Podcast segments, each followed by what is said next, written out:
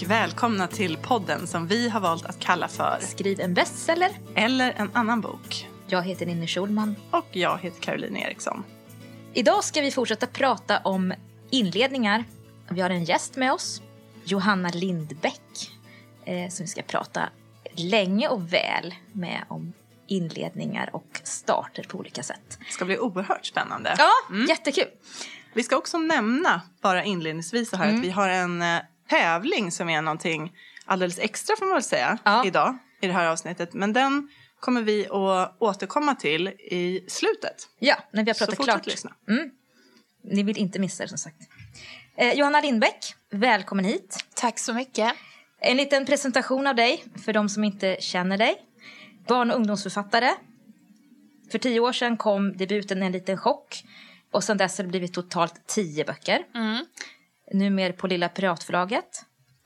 Gymnasielärare i grunden. Frilans. Men också lärare på Folkuniversitetets skrivarakademi. Poddar också. Ja, Ja! Du kan det här. Ja, tillsammans med Lisa Bjärbo kör du Bladen brinner. Där ni pratar just om barn och ungdomsböcker. Grottar ner er djupt där. mm. Jättekul. Också grundare är du till Bokhora. Som många bokälskare känner igen. Populär blogg. Välkommen hit som sagt. ja. Här sitter vi. Ja, här sitter vi. Vi är ju faktiskt, det kan vi ju tala om, vi är ju faktiskt på Folkuniversitetet. Ja, inte i ditt kök som vi brukar Nej, vara. exakt. Vi har en lite annan, annan eh, andra omgivningar idag. Ja. lite mer professionell inramning så. Men ska vi, får vi börja med att liksom ställa en, en sån allmän fråga? Vi har ju pratat nu i två avsnitt om det här med inledningar, första meningar, första kapitel, första stycke, första delen av boken och så. Hur viktig tycker du att inledningen är i en bok? Eftersom jag är barn och ungförfattare är den ju ännu viktigare. alltså jag tycker att den är viktig alltid. Eh, men barn och ungläsare har ju så dåligt tålamod. Så vuxna kan ju vara så här, ja nej men jag ska läsa 50 sidor i boken och sen se om jag ska fortsätta. Så är jag. Men barn och unga är bara, nej jag har läst en sida, den var skittråkig, nu slutar jag. eh, så när man skriver barn och ung krävs ju verkligen att man inte har den här långsamma uppladdningen utan det måste börja pang på. Det måste vara en omedelbar... Ja, och då är det inte att det behöver börja med liksom action action, men alltså inte det här äh, vi börjar lite fint och så kommer det igång sen. Det ska börja ordentligt, ordentligt. Vad intressant att du lyfter fram alltså, att det faktiskt också finns en skillnad där Ja. mellan, mellan vuxenlitteratur, att man kanske kan... Eh, ja, Ja, alltså jag tycker nu är jag, jag älskar att läsa både barn och ung och vuxen. Men när jag läser vuxen kan jag verkligen känna att bara, gud vad den här författaren segar, stryk. Så mycket onödiga ord här, ta bort lite grann. Så jag har blivit lite skadad av att hålla på med barn och ung. Ja, tappa tålamodet fortare nu. Ja, Ja. Mm. När du ska skriva själv då, går du och funderar ut första meningen så att den sitter innan du börjar skriva? Är det någonting du går tillbaka till och jobbar med igen och igen? Jag går nog tillbaka och jobbar med allting igen och igen. Jag är inte en person som planerar hela boken och då kan det vara när man kommer till sidan 40 inser man åh det här ska vara med från början och så får man liksom börja om och köra in det. det ja. Mm. Så det gör jag. Men sen har jag också haft, eh, nu har jag skrivit tio böcker. De första böckerna, säg säkert de första fem eller sex. Jag vet inte, jag kommer inte ihåg exakt siffra. Men där var det alltid så att eh, första kapitlet var inte första kapitlet. Det här att man, redaktören och förläggaren säger vi stryker de första fem sidorna och så är sidan sex blir den första sidan. För att man har den här liksom, det här att man vill berätta så mycket i första kapitlet. Ge bakgrunder och förklara saker som inte egentligen behövs. För det fattar man när handlingen drar igång. Mm, mm. Och då har jag ändå suttit och jobbat skitmycket med de där första fem sidorna som bara Men ändå onödiga. funkar det att bara ta bort dem då? Ja, men det brukar göra det. Man får väl stoppa in kanske lite grejer här och där sen. Men man behöver verkligen inte ha dem utan det kan börja mycket mer pang på. Så kan man säga, det blir nästan som att man skriver den här första inledningen mer för sin egen skull då, som Ja. författare. Att, att för att sätta eh, sin egen historia, för att komma nära sina karaktärer. Eller Ja. kan man... Och jag tror att man, jag skulle ju aldrig ha resonerat att det här är onödigt. Men sen när man ser bara, nej nu har vi tagit bort det. Det funkar jättebra. Det är mycket bättre att vi inte har det. Mm. man blir bara så blind för att man tror att man behöver det. Mm, mm. Du tänkte på, du, du sa det här med att eh, inledningen måste vara så omedelbar. Vi har ju pratat om det även, eh, även tidigare, men, men än mer så då i, i ungdomslitteratur. Men vad är en bra inledning då? Vad utmärker en bra inledning? Finns det några kriterier? Jag tycker verkligen att det är bra om det börjar bara mitt i en händelse. För när man hör med förlag, när de får in de här spontanmanusen, Ja. då är det en jättevanlig början att det är det här. Det var den första dagen på sommarlovet och X vaknade med ett ryck. Oh, det måste vara det mest... Eh, Så, Vi skrattar rått ja, här känner jag. precis. Vad hemskt. så om det är någon som har en stryk. Ja. Eh, Tips. Men eh, precis, och då, det är som, förutom att det är den här klyschan att det är den första dagen på sommarlovet som är lite då väl använt. Eh, men just det här... Även man- vakna med ett Ja, jag ryck är lite använt. vakna med Ja, ett ryck precis. också. Men att det blir det här att då börjar man berätta så här, nu är det sommarlov, vad härligt, vad fin stämning. Typiskt seg inledning, skit i det. Mm. Ta första meningen, någon pratar, någon gör någonting. Mm. Det tycker jag är en bra inledning. Så jag tror, nu har jag inte kollat upp det här inför idag, men många av mina böcker tror jag börjar med en replik. Okej. Att det är ett samtal, Mm. gissar jag. Tänk om jag har fel nu. Ja, men Det känns så. Du tänker Ja. så i alla fall, att det ska börja med en händelse och en dialog Ja. är en form av händelse, att man slängs rätt in i. Ja, Finns det några andra sådana här kriterier då? För förutom det, alltså en, en händelse eh, kanske kan, är bra men, men räcker det så att säga för att, för att Ja, göra en men sen inledning? kan det vara också de här eh, lite mer finesssakerna, att man kanske inte jobbar kronologiskt. Så att man, har, eh, man börjar med någonting som händer mycket längre fram i boken fast det är en väldigt dramatisk incident. Mm. Och så får man kanske två eller tre sidor av den Mm. och så fattar man ingenting men man blir lite nyfiken Mm. och då blir man sugen på att läsa vidare. Just det. Hur kom man dit? Upp. Ja. Ja. Mm. Men överlag så, mitt, mina värsta saker i allmänhet är miljöbeskrivning. Mm. Urtråkigt.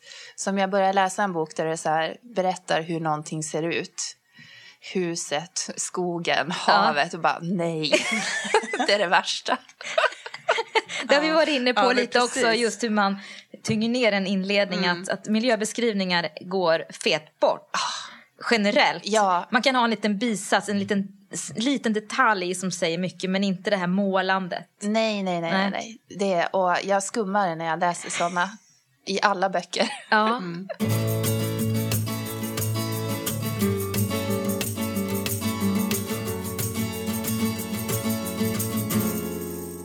Det, det kan vara frestande som, som ovan skribent, eller, eller van skribent också, men att, att ge för mycket bakgrundsinformation för tidigt. Inte bara miljöbeskrivningar, men också när det gäller karaktärerna eller, eller så. Hur resonerar du kring det? Vad, vad, eh, hur det- vanligt är det? Hur gör man för att Ja. undvika det? Jag tycker det är jättevanligt och det är vanligt bland alla författare för att det tycker jag är mer det här när man skriver första versionen, det är ju det man jobbar med. Man jobbar ju med överinformation. Och sen i den andra versionen, kanske har man jobbat tillsammans med ett förlag då, det är då man går in och stryker. Och det kan man ju upptäcka själv också, att jag behöver inte förklara det här jätteutförligt för man fattar det i alla fall. Eller det här kommer senare, det kommer i kapitel 15, då behöver inte kapitel 8 innehålla allt det här. Nej. Så just det tycker jag är mer de här... äh, Man måste ta sig igenom den överinformationen, för man behöver det själv när man sitter och skriver. Men sen gäller det som att komma, komma till punkten när man kan börja sovra. Men det kan vara okej att skriva så då? För vi har ju pratat om det också, det här med första utkastet. Att eh, första utkastet, man sätter ju aldrig historien eh, på första försöket så Nej. att säga. Ska man då kanske tillåta sig att skriva den här överinformationen i sitt första utkast och inte grubbla så mycket över det då? Ja, och jag tror inte att man är medveten om att man gör det. Nej. Utan Nej. jag tror att man inser det mycket senare. Så jag tror att det är en helt naturlig process att man går igenom det. Och sen så, dels när man har skrivit färdigt boken, då kanske först då man fattar vad boken handlar om egentligen. Om man har liksom sett att ja, men det här är de stora konflikttrådarna. Och då blir det så mycket som man inser att det här kan vi stryka eller förminska eller sådär. Har du någon egen favoritstartmening? Och gud, menar du ett litterärt citat? Ja, eller nej, det behöver inte vara något, något högtravande så, men, men har, du, har du läst någon bok där du börjar känna så här, shit, det här, den här starten hade jag velat skriva? Åh, gud vad svårt. Alltså, grejen med mig är att jag är urdålig på att komma ihåg sådana saker. Så när folk frågar så här, ibland får man ju, har du ett citat på det här och det här? Bara, Nej, jag har aldrig några citat eller ingenting. Det ligger och marinerar någonstans i bakhuvudet. men men om man Nej, säger, åh, så jag, vad svårt. Nej, men jag kan nog inte säga att jag kommer ihåg något. Jag har ju jättemånga böcker som jag tycker om. Men då är frågan, tycker jag om dem på grund av början eller bara på grund av helheten? Ja. Jag vet inte. Ja. Men hur, hur viktig är början då just för den? Alltså för, på ett sätt är inledningen viktig ju för att den drar in läsaren i, eller en bra inledning drar in läsaren i berättelsen.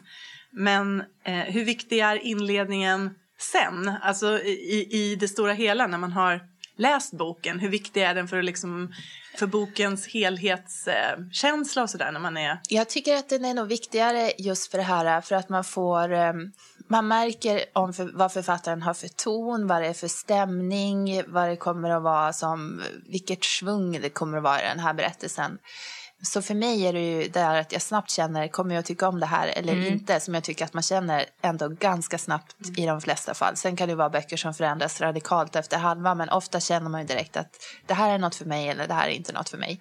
Ehm, så jag tycker början är mer viktig så. Sen om det bara liksom är en ganska traditionell historia, då lägger jag nog inte så mycket vikt vid början sen när jag har läst färdigt boken. Såvida det inte är något så här Vissa historier ser man ju ledtrådar som man fattar först i slutet. Då kan det vara spännande att gå tillbaka och inse bara, åh gud, första kapitlet avslöjar ju jättemycket. Det fattar jag inte. Eller man ska inte fatta det. Så det är nog mer på den där aspekten och som sätta, vad är det för bok? Kommer jag tycka om boken? Det är det som är viktigt med början tycker jag.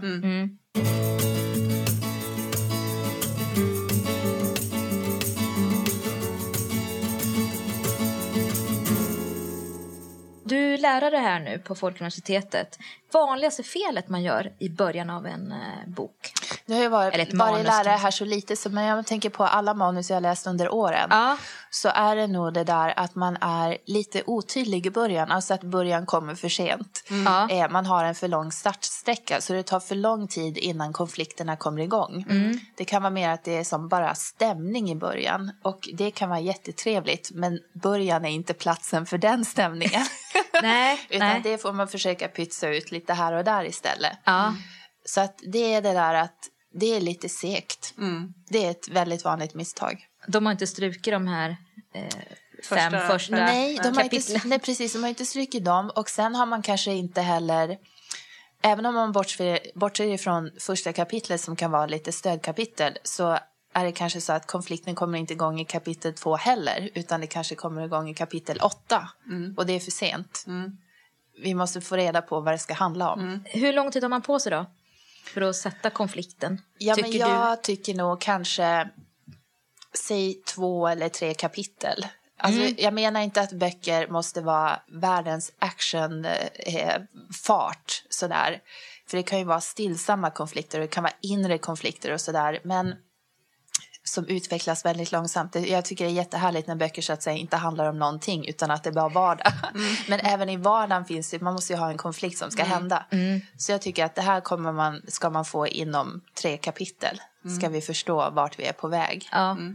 Nej, för det ska man ju vara tydlig med att när vi pratar om konflikter här i podden i manusarbete så handlar det inte det om, om det behöver inte vara ett gräl Nej, eller en, en fight eller någonting sånt utan det kan ju vara en, konflikt, en inre konflikt som sagt att våga göra någonting eller vara rädd för att utmana sig Mm. eller eh, sådär. Det, det är inte så, så eh, konkret liksom konflikt. Utan Jag tog det kan bara vara det lite ordet. Det smygande. kanske, har ni introducerat Jo, men vi använder det he- hela ja, Jag tänkte tiden. bara, var nu bara så Ja. typiskt skrivarlingo, bara konflikter. Nej, nej, nej. Det var nog en själv, eh, Ja, vi- liksom, insikt där. Att vi använder ju det ordet också Ja. väldigt mycket. Men, Men det låter så, så starkt. Ja, och precis. att, att, Att det typ måste att man ska börja slåss i bråk. första scenen. Det måste man ju inte göra. Det vore lite brutalt. Men Ja. att det handlar inte om det. Måste Men- vi vara tydliga med. Dem. Nej men precis, men det skulle vara lite spännande då Mm. bara därför att höra dig liksom resonera kring det här begreppet då. Konflikt i manusarbete. Vad är det vi menar? Vad är en konflikt? Eller hur kan man, vad, vad, är, Konflikt, vad ja. är inte en konflikt då? Eller? Eh, ja. Konflikten är, om man tänker, personen börjar i en punkt på sidan ett. Och sen är det olika hinder som ska överkommas och då har man överkommit dem till sista sidan. Och då kan det här vara, då som sagt att det kanske handlar om hur man interagerar med andra människor. Där kan det vara en konflikt, man faktiskt bråkar med någon eller har familjeproblem eller vad det kan vara. Eller att det kan vara jag är blyg. Eh, nu måste jag få ur, mig eh, få till den här killen att jag gillar honom. Hur tusen ska jag våga det? Mm. Det är också en, en konflikt, fast en inre konflikt. Så konflikten är helt enkelt vad det är som handlingen ska kretsa kring. Så att det inte bara blir så här lösa, roliga, trevliga scener staplade på varann. Och ibland är man hemma och ibland är man i skolan och sen går man på bio. Ja. Eh, för att då när man läser känner man bara, ja men vad ska allt det här leda till? Vad är det det handlar om egentligen? Mm, varför ska jag bry mig? Ja, precis. Så konflikten är det som det ska handla om egentligen. Och sen så kommer det fram på olika sätt. Om det är barn och ung så kanske man får skriva lite snabbare och lite tajtare och lite mer tänka på det mer hur man presenterar och i vuxen kan man kanske dra ut på det lite mer för att läsarna är mer vana och har tålamod och sådär. Vi har ju valt att kalla det här det här sjoket eller det här temat som vi håller på nu med akt 1 eller berättelsens början. Och det här med akt 1 det är ju en, eh, en anspelning på det här som, som vi också pratade om när vi pratade om tema dramaturgi. Alltså den här vanliga klassiska treaktstrukturen som ju finns i lite olika varianter men som många skrivande människor ändå refererar till eller använder sig av i, i en eller annan mening. Och sett utifrån det, vad, vad tänker du, vad, vad ska rymmas i akt 1? När man tänker igenom sin, sin akt 1, vad, vad är det som ska finnas med där? Där är grejen att jag brukar inte använda den här trestegsakten. Eh, jag tänker ju givetvis på dramaturgi, men jag har faktiskt inte tänkt på det att jag delar in mina böcker i första akten, andra, tredje. Utan det här, jag är bara så, jag är en, en naturlig talang på det här. Ja, och vad härligt med en sån människa. Jag skämtar. Ja. Nej, nej, det ska vi inte vara blygsamma. Nej, men en del brukar ju ha att de verkligen tänker att ja, men boken ska vara 250 sidor Ja. och då behöver första höjdpunkten komma på sidan 80 och Ja. sen kommer nästa på 160. Ja. Eh, jag brukar inte riktigt tänka så, eh, Nej. inte så här sidmässigt. Men jag bygger ju ändå verkligen upp det med att jag ser att det är en stegring. Mm. Så att det ökar. Men jag tänker att i första akten är det det här att då ska vi ha konflikterna ska presenteras och Mm. huvudpersonerna ska presenteras. Och det ska börja skita sig lite grann. Tillräckligt för att vi ska Ja, för att vi ska bry oss och. Ja. vilja Ja. veta hur det ska gå. Ja. Precis. Ja. Ja, så, så konflikt ska presenteras personer och eh, det ska börja skita, Skita sig lite lite grann. Ja, där har vi ett succékon- succékoncept.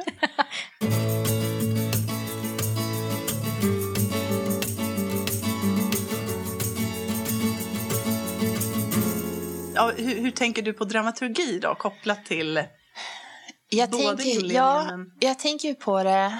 Jag tycker att det är så himla spännande för att det blir... eh, Det som är intressant tycker jag är med de här i en bok, man har ju ofta en, om man säger högintensiv huvudkonflikt. Och sen kanske man har lite lågintensiva bikonflikter. Och då tycker jag att när man börjar skriva en bok, i alla fall jag, då, har jag, då vet jag vad är huvudkonflikten. Det har jag ju koll på, jag vet hur den ska gå, vilka stopp det är på vägen och sådär. Men sen kan det ju inte vara så att eh, varenda scen är bara jätte actionpackad i, i den här huvudkonflikten. Utan då måste man ju ibland ha lite, men nu är det lite stillsammare tempo. Här kanske det ligger mer fokus på att presentera Ja, karaktären. just det. Och då tycker jag att i de avsnitten, det är där det här organiska händer som man aldrig hade kunnat planera. Då kanske det plötsligt blir så att en bikaraktär visar sig vara jättekul och jättehärlig. Och då spelas den upp lite grann och så plötsligt har man insett bara, oh, men den här konflikten kan lätt haka in i huvudkonflikten. Det är det här jag menar med att när jag kommer till sidan 40 så inser jag att jag måste gå tillbaka och skriva om början. För att det här vet inte jag när jag börjar skriva sidan 1. Att eh, det här kommer att hända. Nej. Nej. Och så kanske man inser det sen att eh, det behöver, vi behöver in, få in ett moment av det här eller den här personen behöver förändra lite riktning eller sådana grejer. Som jag, säger, jag vet inte det från början så jag tycker alltid att det är väldigt kul. Har du något konkret exempel på något sånt, något sånt har hänt i ditt eget skrivande? Ja, när jag skrev en bok eh, som heter Som om jag frågat som är en ungdomsbok. Och då handlar det om en kille som går i nian.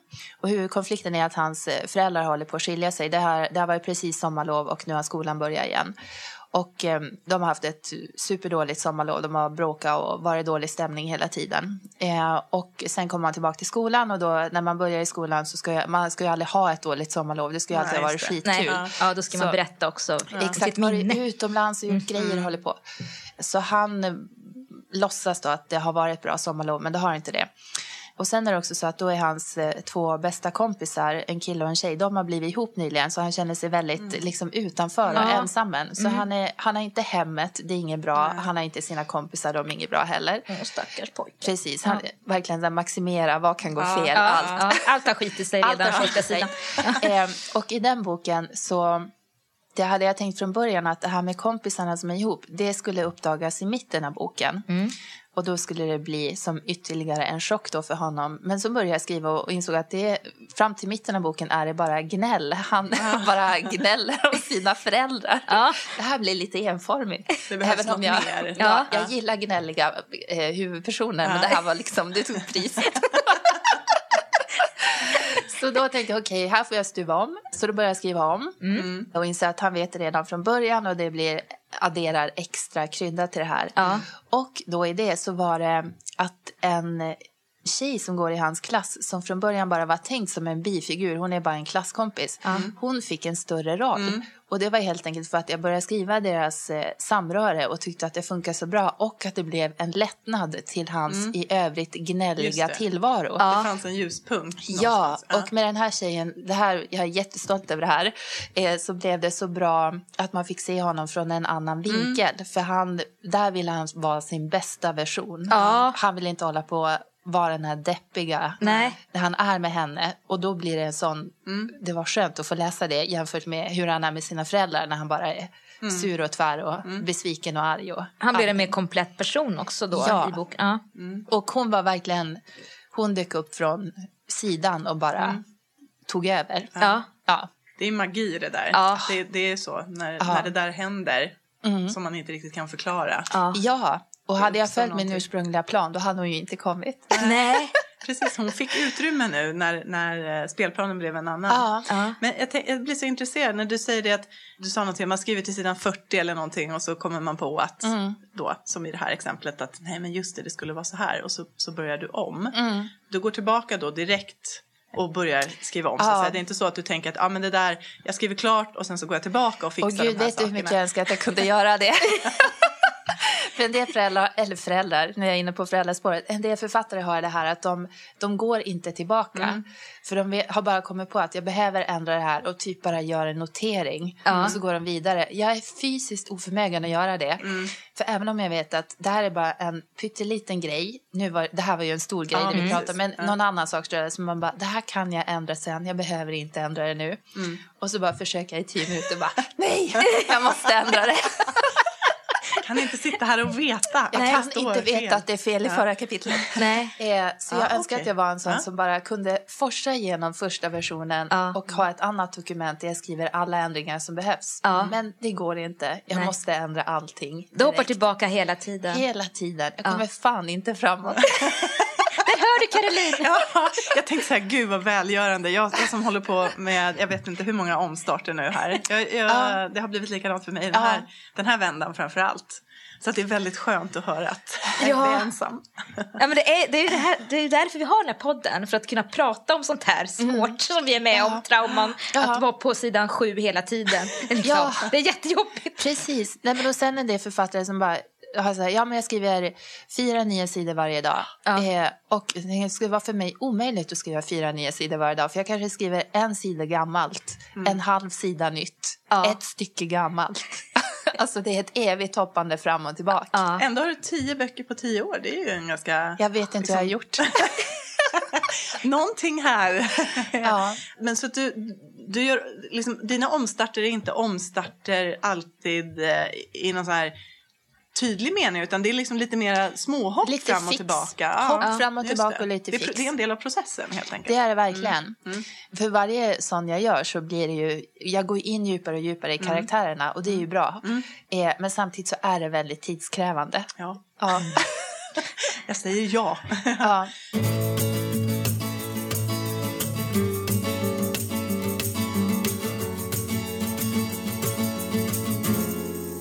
jag tycker det här är också intressant att alla har ju eh, lika många skrivande människor som det finns så finns det ju processer Metoder. nästan, Ja. eller metoder. Och det är ganska viktigt på ett sätt att, att ehm, utveckla sig och lära sig och ta, ta till sig nya metoder och verktyg och så. Man kan, kan göra på en skrivarkurs till exempel. Mm. Men också att på något vis balansera det med att vara trogen eh, och ha respekt för sin egen, sitt eget sätt att arbeta. Mm. Hur tänker du kring liksom den balansen?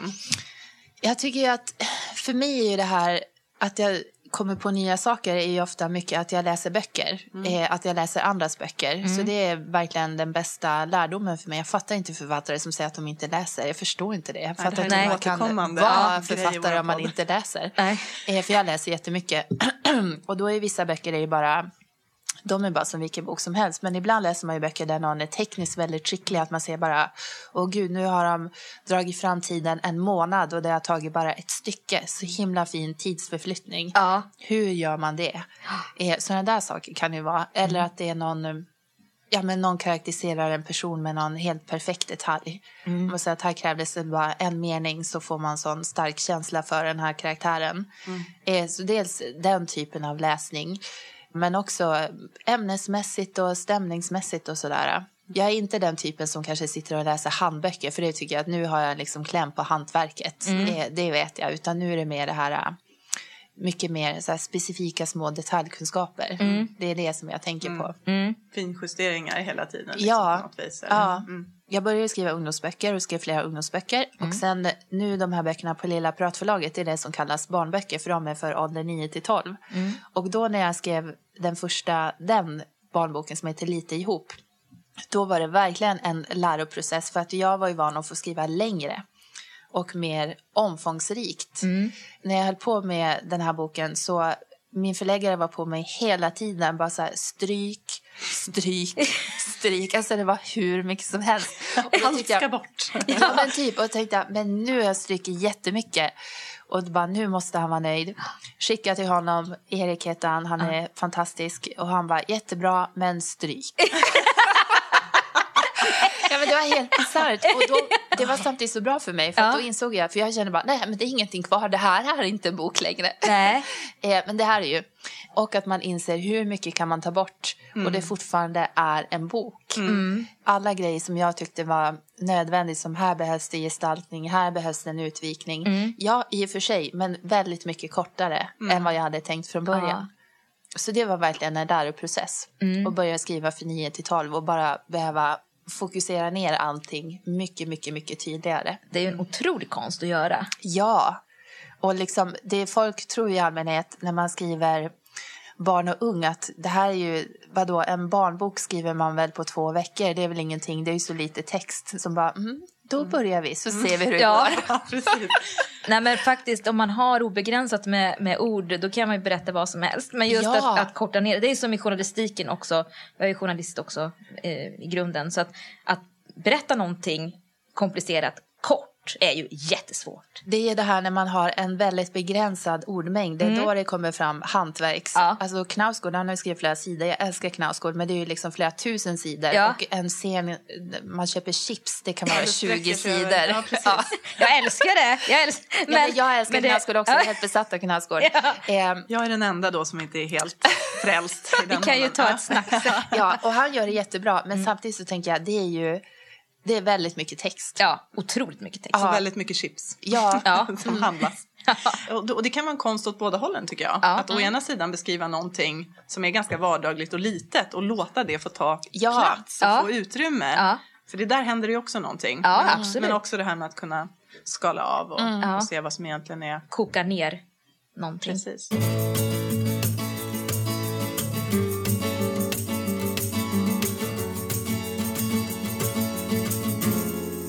Har en fråga som, som handlar om inledningen men som också handlar om resten av processen. Om du ställer inledningen i relation till resten av boken, till, till mitten, som egentligen är själva boken kanske, men också till slutet.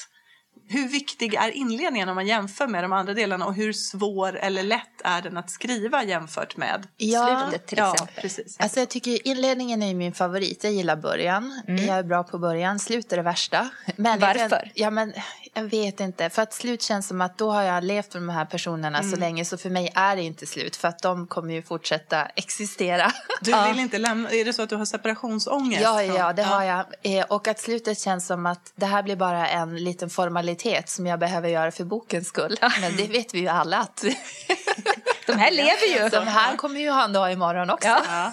Ja. Så slutet är mitt värsta. Men annars så ibland, undrar om jag har pratat om det här, om det var någon kompis som sa det till mig. Jag kommer inte ihåg vem det var. Men att man har, säg att början är 30 eller 40 sidor.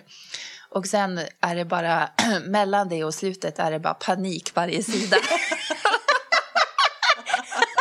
Under skrivandet. ja, som bara, vad, hur ska jag få ihop det här? Vad ska hända? Ja, gud, underbart. Ja, gud. Ja.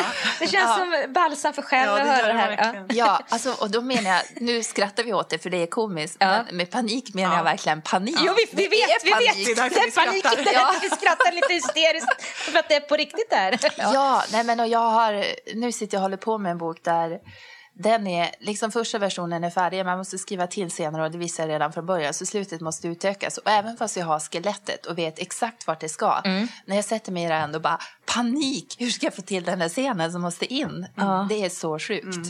Hur ofta drabbas du av tvivel eller ehm, under själva processen? Eller prestationsångest eller Vad ska vi säga? panik? Var 20 minut. Lågt räknat. Ja, lågt räknat. Ja, men- Eh, men säg att det går, nu har jag haft så himla skrivtid den här hösten, så att, eh, men om jag har en vecka där jag kan sitta och skriva nu, Mm. säg att det går bra i två dagar, så går det skitdåligt i en dag, så går det halvbra igen. Det är mitt vanliga mönster. Ja. Och sen på, måste jag alltid ha, har jag skrivit flera dagar så kommer det sen alltid en dag när jag inte kan skriva, det är som att min fantasi är slut. Fantasin måste som vila upp sig igen. Mm. Lagra Så på då, sig. Precis, så då, äm, även fast jag vet vad ska den här scenen innehålla eh, så går det inte att skriva den utan då måste jag bara göra något annat och så kan jag börja dagen efter. Ja, ja, ja. Det är jättemärkligt. Mycket intressant. Det är som batteri, eller liksom, det måste Ja men laddas typ, upp. ja. Men får du panik då, trots att det händer ofta och tänker att du kommer aldrig mer kunna skriva eller kan du känna någon sorts förtröstan i att det, så här har det varit förut, jag vet att det kommer tillbaka imorgon? Ja, jag borde ju känna förtröstan eftersom jag har varit med om det hundratals Ja. gånger men det är fortfarande så här bara, nej okej, nu, det här var, nu är det klart. Nu har jag skrivit min sista mening. Ja, Ja. mer eller mindre. Ja. Ibland känns det verkligen akut så och ibland känns det så här, ja men det kanske löser sig imorgon. Eh, men jag känner väldigt ofta att nej, synd att jag hade kontrakt på den här boken för att nu kommer det inte att bli klart. Ja, sorgligt för alla Ja. inblandade. Vad tråkigt att behöva ringa det här samtalet imorgon. Dra ut på det lite. Ja. Ja, Caroline och jag brukar skoja med varandra och säga att ja, men den här, just den här kvarten känns det ganska bra. Ja.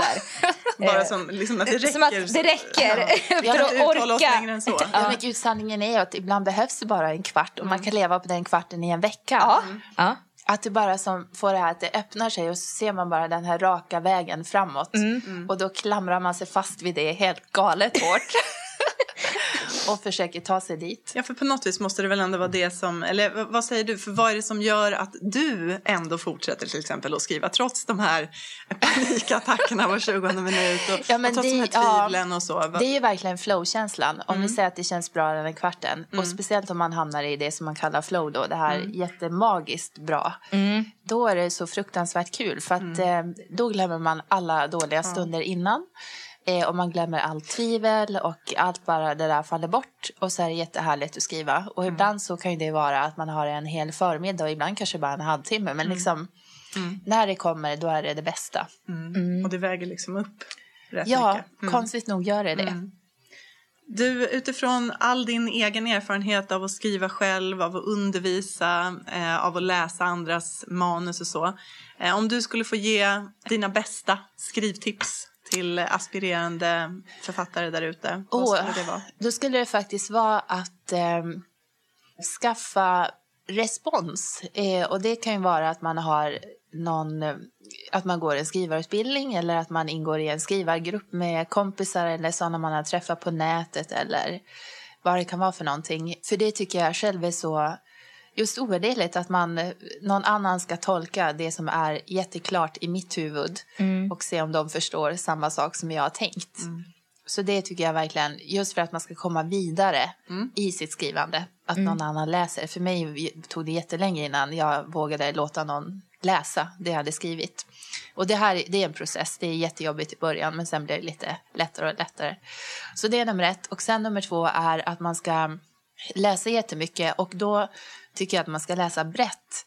För en del människor är att de fastnar i en genre. Att man bara läser fantasy, man läser bara deckare. Kanske för att man vill skriva fantasy eller man vill skriva deckare. Eh, men jag tycker att man ska verkligen, för att liksom bli en bättre hantverkare, läsa även andra genrer. För man får med sig mycket därifrån. Mm. Och sen att man ska skriva. Mm. Eh, för ibland blir det...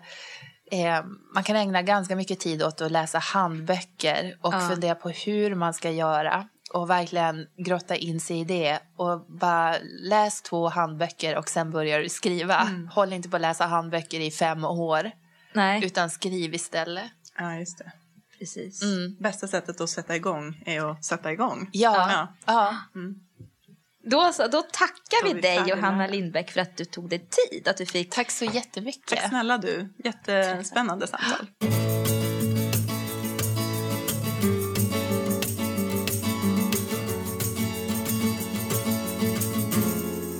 Och nu, kära lyssnare, så ska ni spetsa öronen lite extra för det är tävlingsdags. Och det här vill ni garanterat inte missa.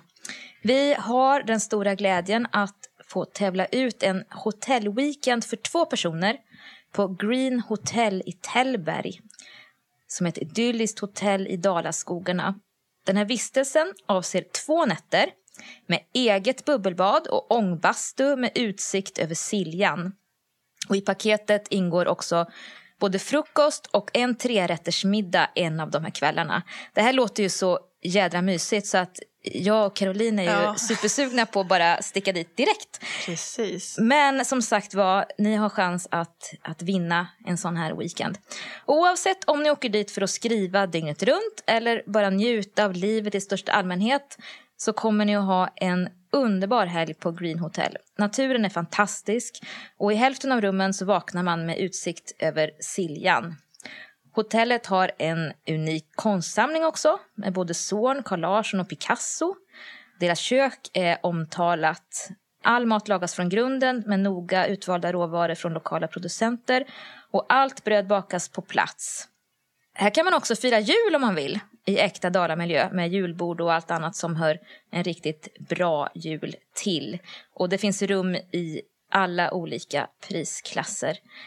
En extra liten detalj är att personalen har folkdräkt på sig alla dagar på året. Alla dagar. Ja, Det så det, det är en extra liten Ja. touch åt det hela. Så. Hur gör man då för att kunna vara med och tävla? Ja, det är ett ganska enkelt förfarande i några olika steg. För det första, du behöver ett konto på Instagram. Den här tävlingen kommer att gå på Instagram, så du behöver ett konto där för att kunna vara med. För det andra, ditt konto på Instagram behöver ha en öppen profil. Det vill säga att du behöver vara öppen så att eh, vi kan se dina uppdateringar, åtminstone under den här tävlingsperioden. För det tredje så vill vi att du följer oss båda två på Instagram och du hittar oss väldigt enkelt eh, via hashtaggen skriv en bestseller eller en annan bok. Då hittar du både Ninni Schulman och Caroline Eson på Instagram och så följer du oss.